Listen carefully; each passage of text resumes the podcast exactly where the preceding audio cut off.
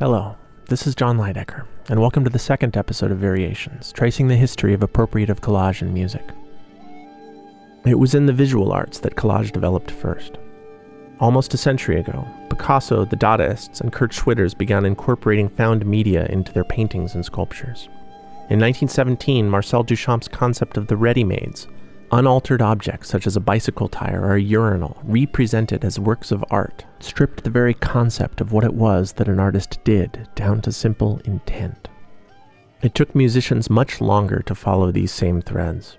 Even though in theory the turntable made it possible, an invisible wall seemed to be holding composers back from the almost unimaginable step of formally incorporating collage into music.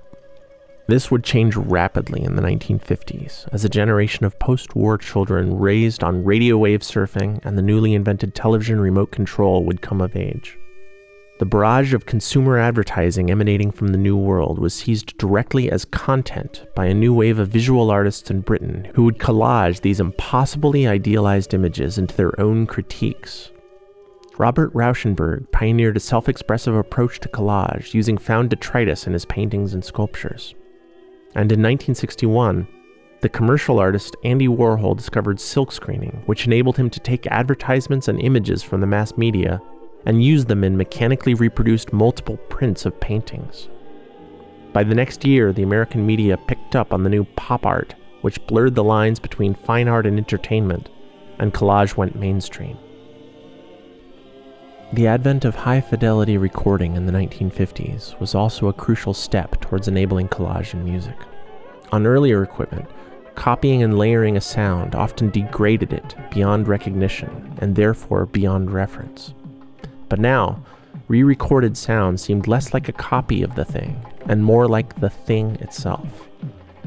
Budget reel to reel tape recorders were designed more for living rooms than commercial studios, where non professionals and their children got to know them less as tools than as instruments. But in hindsight, it shouldn't be so surprising that it required this much time before the creative possibilities offered by the ability to actually record sound became perceivable to composers. When written notation was introduced in the 9th century after millennia of anonymous oral tradition, it took nearly four centuries before a new tradition formed, one where composers could actually dare to sign their own name to a piece of music. The technology of sheet music itself helped shift the perception of what music was, from humble inspiration and ritual praise of God, to a music that was seen as the unique expression of the individual author. In much the same way, it took nearly a century after the birth of recording before the ingrained fear of plagiarism could be overcome a fear ingrained by those same concepts of authorship.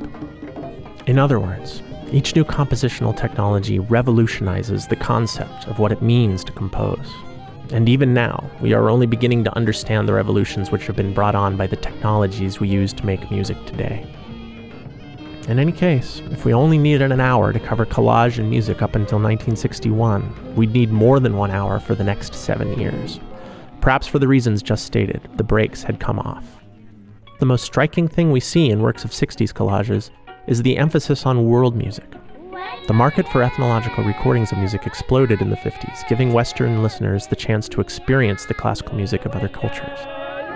You could easily include Henry Cowell's five album series Music of the World's Peoples in the lineage of 1950s sampling records. The albums are compositionally edited to whiplash the listener across continents, 18 different countries in just under 40 minutes. New York composer Richard Maxfield used Cowell's library of world music for his piece Bacchanal, juxtaposing the beat poetry of Edward Fields and jazz improvisations recorded in Greenwich Village with recordings of Indian classical, Spanish flamenco, and Korean pansori. Here is an excerpt of Bacchanal from 1963.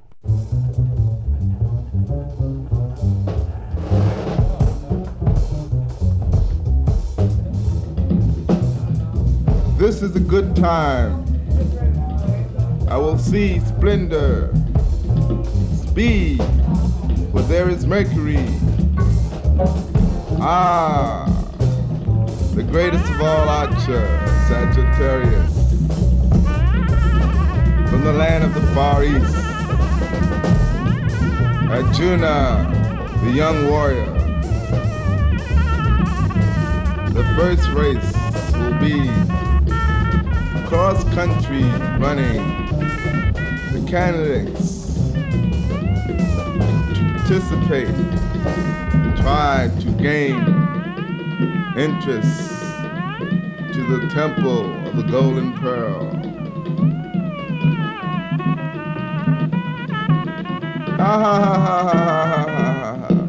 Sweet lyrics, sweet songs, and the sweet taste of the ambrosia. Strange love.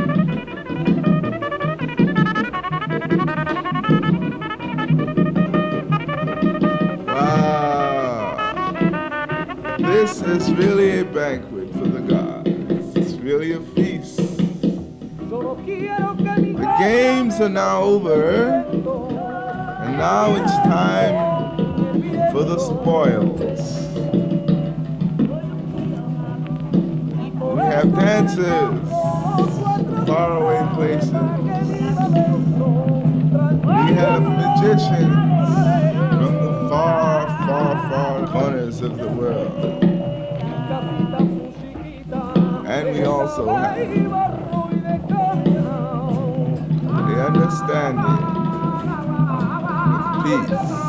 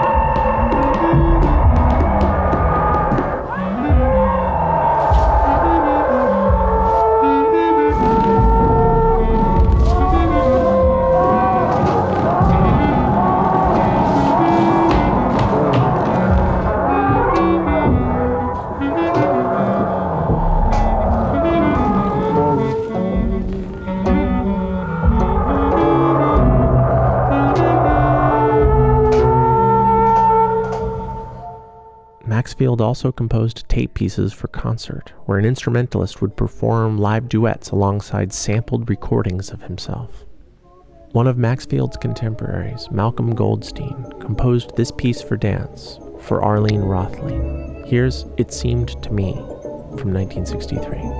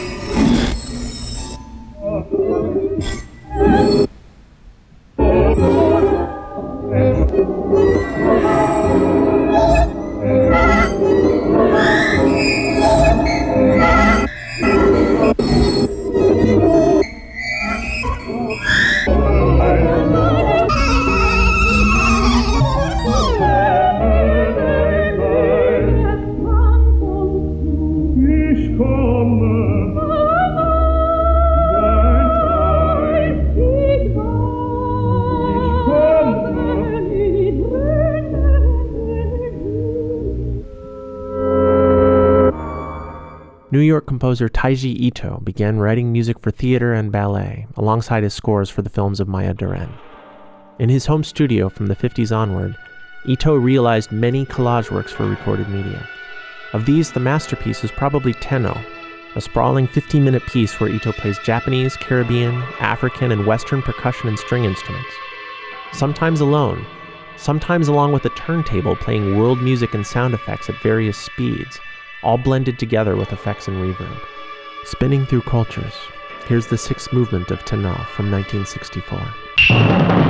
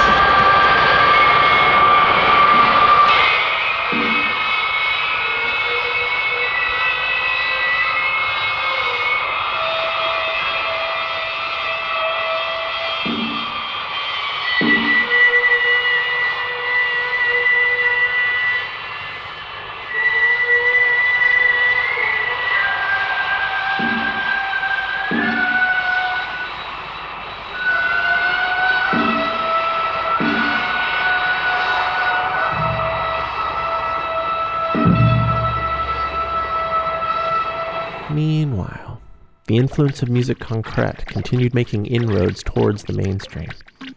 Though staying well clear of appropriating released recordings, Proto sampling techniques weaved the sounds of daily life into advertising jingles, such as this dishwater machine's rhythm track in Daphne Oram's Tumble Wash from 1962. It washes, it rinses, and it spins, all in one tub. Dean Elliott's 1963 record Zounds What Sounds assembled musique concrète rhythm tracks from city street noises. And Perry and Kingsley's The In Sound from Way Out did the same for the familiar sound of a crying baby.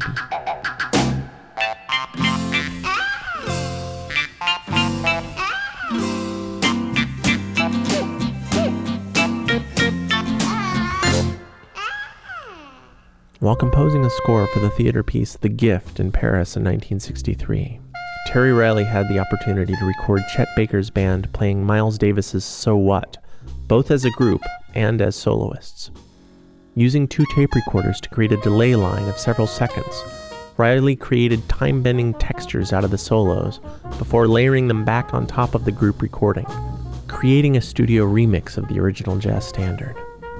Tape delays of different lengths created phasing melodic loops and figures, results which eventually inspired his classic concert piece in C, the popular touchstone of a musical genre that later became known as minimalism. He was onto something, and other tape work soon followed. This is Bird of Paradise from 1965, in which samples from R&B and soul records are fed to tape delay feedback loops, re-recording the sounds over and over until they disintegrate into music of pure texture.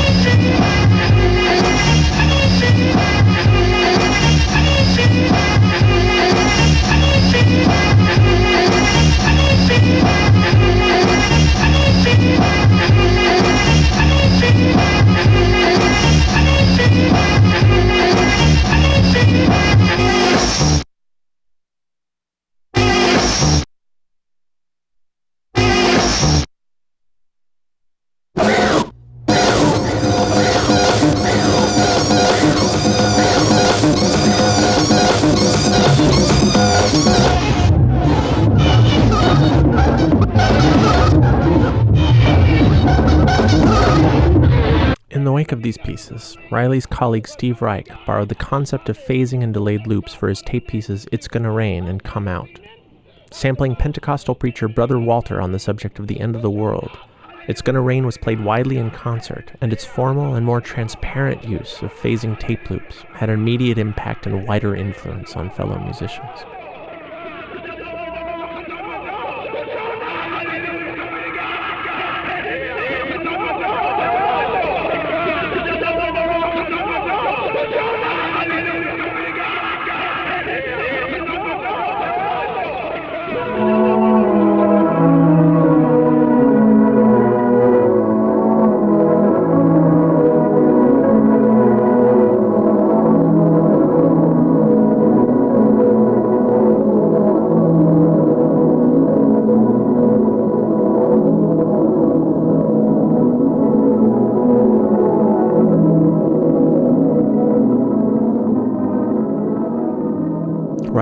Reich's colleagues at the San Francisco Tape Music Center used the tape delay feedback process for a variety of works, many of which involved appropriated recordings. Ramon Sender sent the opening of Wagner's Siegfried Idyll into the delay and then cut off the input, leaving the tape to gradually degrade the sound into oblivion.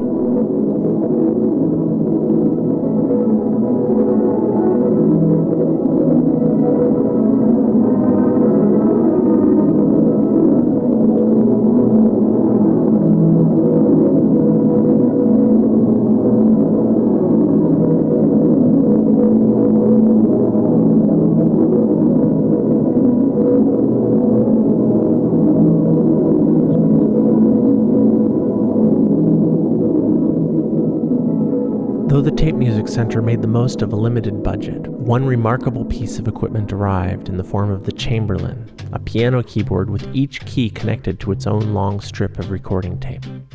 Individually recorded notes of organs, violins, vibraphones, human vocals were played by the right hand, while the left hand controlled rhythmic loops of different genres of music. This was the first sampling keyboard. A pianist could now play live with recordings of instruments, a library of notes and loops, which Ray Chamberlin had carefully recorded in collaboration with the orchestra of Lawrence Welk. Ramon Sender's Desert Ambulance was the first piece created at the Tape Music Center with the Chamberlin. Sender's piece, which jumbles Welk's loops into a salad, maintains a sense of live improvisation with the new instrument and its library of pop music sounds. But this was a live improvisation made out of editing, splicing in real time. Jamming had never sounded like this before. Featuring Pauline Oliveros on occasional accordion, here is the original 1964 recording of Desert Ambulance.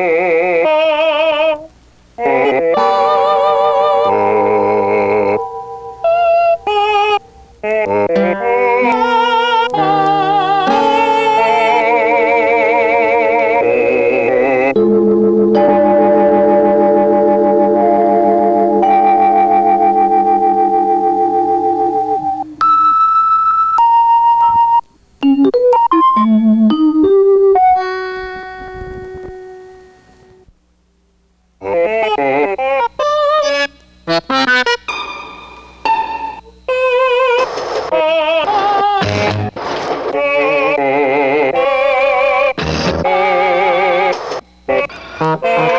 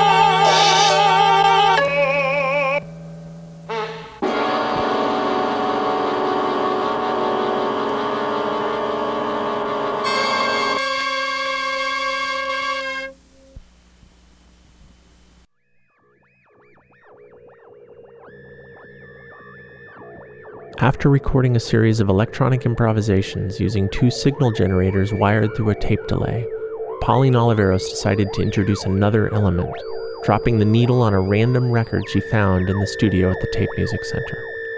Her generator solo became a duet as an aria from Puccini's Madame Butterfly joined the electronics on their way through the delays.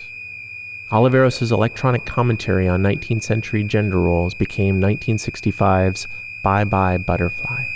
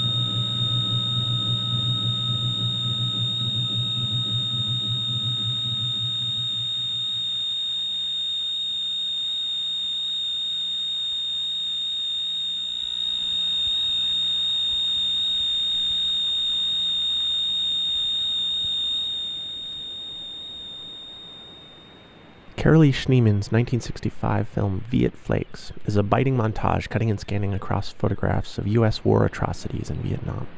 Its score is a tape composition by her then partner James Tenney. It splices Vietnamese folk and religious music in with Western classical and 60s pop hits. No layering, just increasingly rapid linear cuts, a collage made from transitions, rhythms, and increasingly silences. Here are two excerpts from the soundtrack to Tenney's less heard collage number two, Viet Flakes.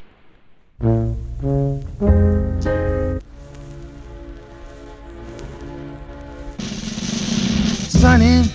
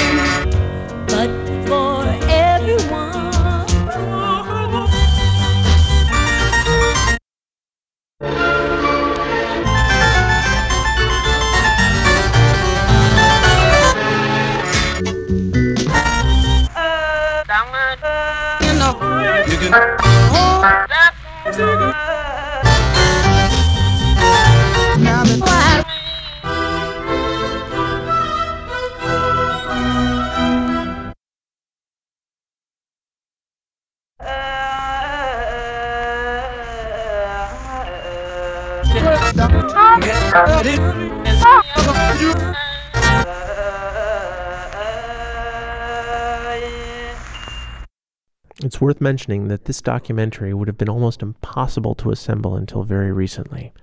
Almost every piece I'm playing in this episode has only found commercial release within the last 10 years.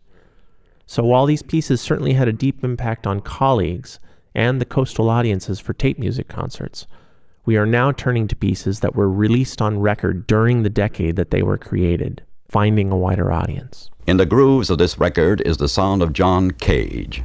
This album, Variations 4, is the recording of a concert given by John Cage and his associate David Tudor at the Feigen Palmer Art Gallery on La Cienega Boulevard in Los Angeles. The evening started with the electronic equipment distributed throughout the gallery in two separate rooms. In each room was a complete sound unit consisting of amplifiers, speakers, record players, radio tuners, tape recorders, mixers, and so on. Many of the speakers and microphones were distributed in odd positions, such as the mic on the street in front of the entrance, so that the sound of the traffic could be inserted into the system at will. In each room was an operator under the personal supervision of either John Cage or his associate in this project, David Tudor. The systems were actuated, and the sounds which you are about to witness were the object of the concert. Listen closely, and you will hear the sounds of the audiences, as well as the tinkle of the glasses as the mic over the bar was in use. Records and previous recorded tapes, as well as radio broadcasts, are mixed in during the concert. So now, in five seconds, Variations 4.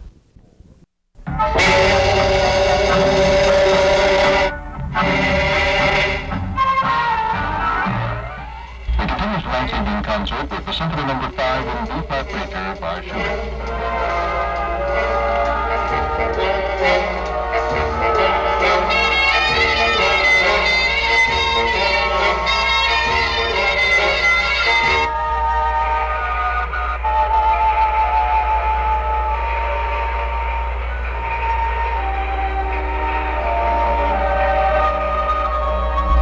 One evening my husband came home and told me that he had been see a prostitute.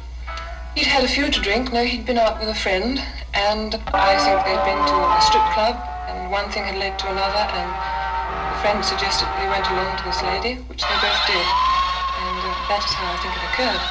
I tried very hard to forget this, but unfortunately I couldn't. And after about six months of attempting to, I'm afraid we both started to uh, not particularly care about the marriage anymore. And this went on for, another six months, and then I decided to take divorce proceeding.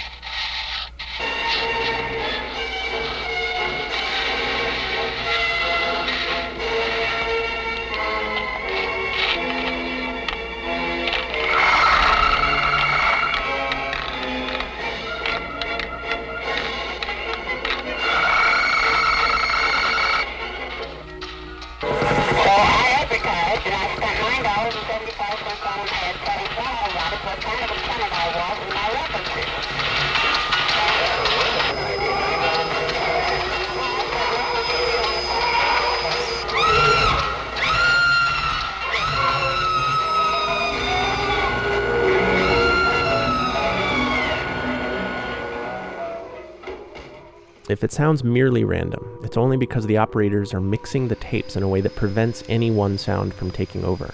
The sounds are presented as themselves. Modern performances of Cage's pieces for radio and tape present the media overload that we normally tune out and allow us to hear it like a time capsule that we're putting into the ground. And historical recordings of those pieces sound exactly like those time capsules unearthed. You don't go to these works for masterful composition in the traditional sense. You go to them for evidence of what it was like to be alive at that time. It's worth noting that unlike his pieces strictly for radio, the one other recording of Variations 4 uses many of the same tapes, just mixed in a different order. Some of the sounds were not live. Different performances meant different combinations. Early in 1966, Karlheinz Stockhausen accepted a commission from NHK Studios in Japan to compose a new piece of electronic music. He spent the first eight days working without sleep until he began to imagine that he was not composing a new piece of his own music, but rather a music of the whole earth, of all countries and all races. Sampling folk music from Japan, Bali, the Sahara, Spain, the Amazons, China, Vietnam, and unknown voices coming in on the shortwave radio. The result was Telemusik.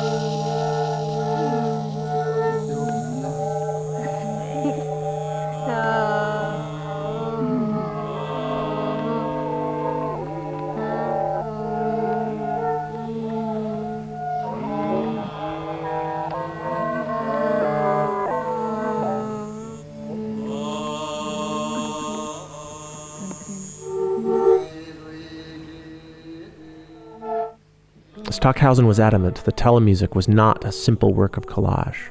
His use of filters, ring modulation, and envelope followers went beyond simply mixing, layering, and editing his materials. His aim was a new hybrid identity, intermodulation. The dynamic volume envelope of an Indian woman singing could now be used to control the volume of a recording of Hungarian folk music, so that group harmonies of one culture seemed to be speaking through the voice of another. Stockhausen followed this 18 minute work with the two hour long epic Hymnen, which sought to apply the same process of intermodulation to the national anthems of the world.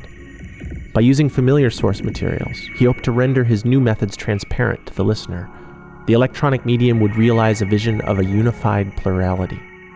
Cutting back and forth between countries, merging rhythms and harmonies, using the voices of animals to sing national anthems, and playing with the listener's sense of time as all of these deeply held identities flew by in various abstracted shapes. Stockhausen said that he hoped to make it possible to experience, as a musical vision, the unity of peoples and nations in a harmonious human family.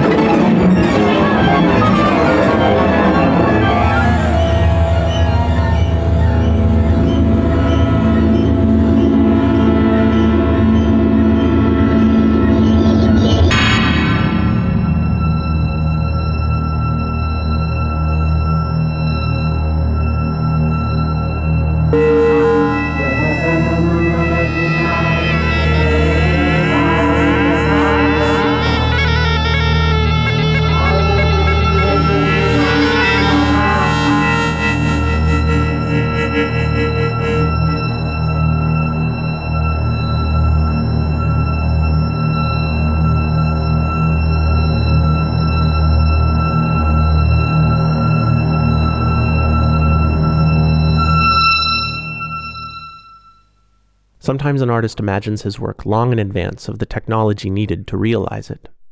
But as the course of pop music demonstrates, more often the equipment itself is the influence on the artist. Or as Marshall McLuhan put it, we shape our tools, and then our tools shape us. With the recorder, the electronic drum, as it were, all the music of the world becomes available at any moment, just like an encyclopedia.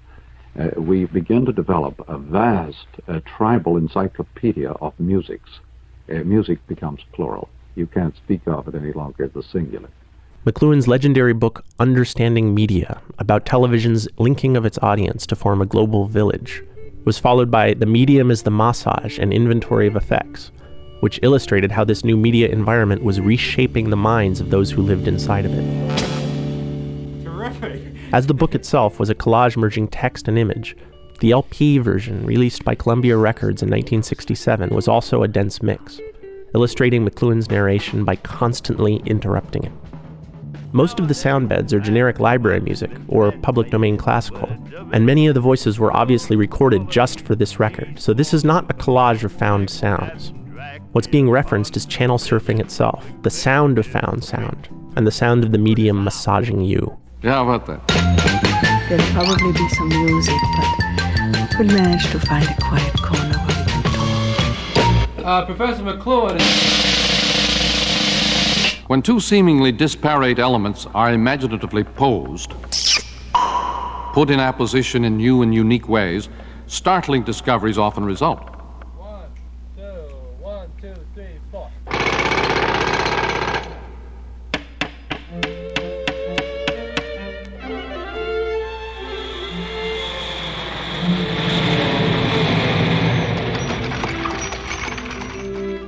The medium of our time electric circuitry, Electric circuitry. profoundly involves men with one another.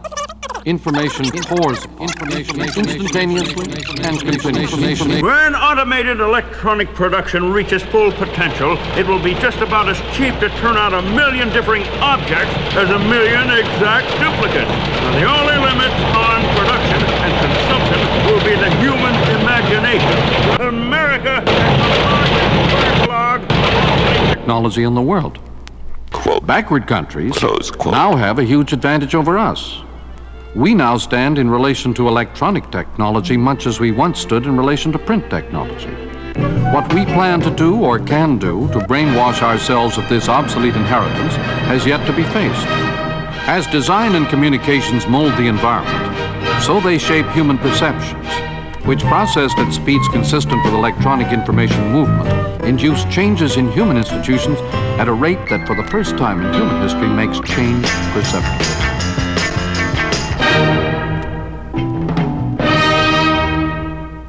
Just hang on. What'll happen when intelligence is recognized? Drop this jiggery part. Okay, Professor McClure, let's take it from the top. Ray! Okay, one more piece that went unreleased until the CD era. Commissioned in 1967 by a Philadelphia nightclub to create a dance piece, Terry Riley assembled his most overt appropriation yet. Using the same phasing techniques of staggered and gradually shifting offset rhythms that he'd been writing for ensemble, but this time deploying them directly onto extended loops fashioned from an R&B song by Harvey Averne. Here's an excerpt from the 20-minute long marathon, perhaps the first extended dance remix. You're no good.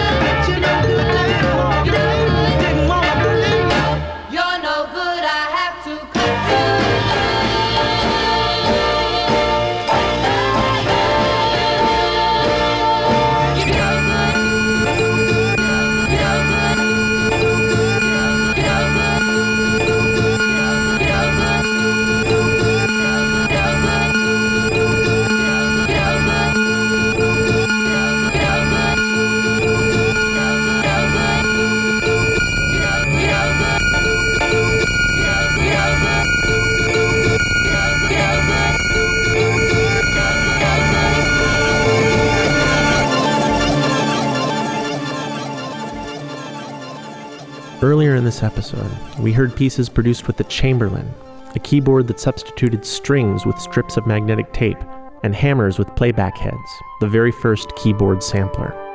Chamberlin's instrument had drawbacks that kept it from effective mass manufacturing, but his assistant Bill Fransen saw the potential for improvements and took them overseas to the British company Bradmatic Limited, and the Mellotron was born.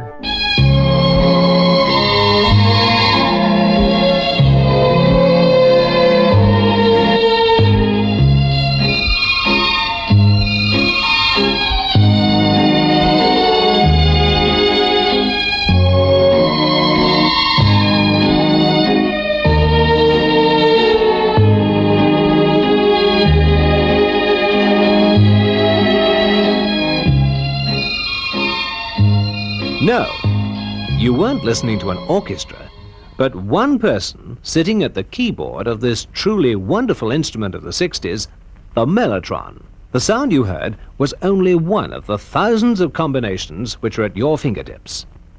What a thrill to have a complete rhythm section at your command with one finger. And there are 20 different rhythms to choose from.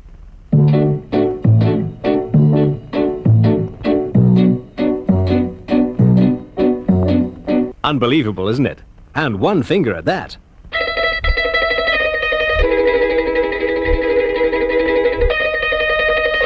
Sounds like a real mandolin, doesn't it? Well, that's because it is a real one. Ads promising a keyboard that could replace human instrumentalists led to a lawsuit from the Musicians Union, but they need not have worried. Much as users of digital samplers would learn over a decade later, the Mellotron couldn't hope to sound exactly like the instruments that it sampled. But it was remarkable at offering strange new sounds for keyboard players, and these sounds spread their way across countless pop songs and are still widely used today in digital software libraries. Critically, users could not sample their own sounds using a Mellotron. That almost unimaginable innovation would have to wait for later. We close this episode with a few concluding excerpts from music by the Beatles. Stockhausen is one of the many people included on the cover of Sgt. Pepper's, and Lennon was also only one degree of separation from John Cage by his new girlfriend Yoko Ono. While doing the final mixdown of I Am the Walrus, Lennon decided that they would indeterminately sample from the airwaves. While slowly fading down all the other tracks in the mix, late night BBC radio was slowly faded in. And give the letters which thou findst about me to Edmund Earl of Gloucester. Seek him out upon the British party. Oh, untimely death. Death.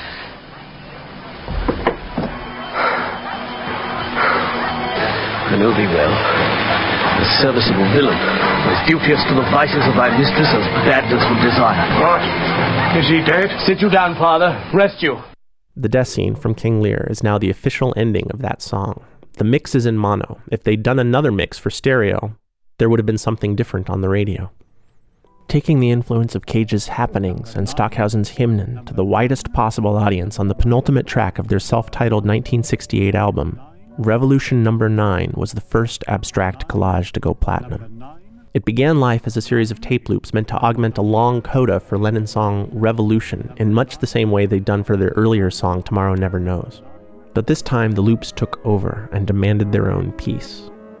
Fragments of test tones, snippets of Beethoven, Sibelius, and Schumann, studio chatter, and world music from the BBC library made their way onto dozens of tape loops, which were then musically mixed down and layered into an eight minute tour. Recorded during a year of student protests, police riots, and political assassinations, the piece was not just a document of the times, but sounded like a call for further action. The sound of chanting sampled from a football game had different connotations that year. But Revolution Number 9 was released one month after the election of Richard Nixon on his pro war platform. And like all the other seemingly inevitable breakthroughs imagined at that time, the track became a high water mark in the art of experimental collage. A peak, but one that afforded a view of the sleep and inertia to come over the next decade. This has been the second episode of Variations. The third episode will cover the experimental and technological groundwork laid down in the 70s that would eventually lead to the pop breakthroughs in hip hop and electronic music that are already widely familiar. Although, who knows what they're going to sound like in context with the things that we've been listening to so far. Until then, this is Jon Leidecker, and thanks for listening.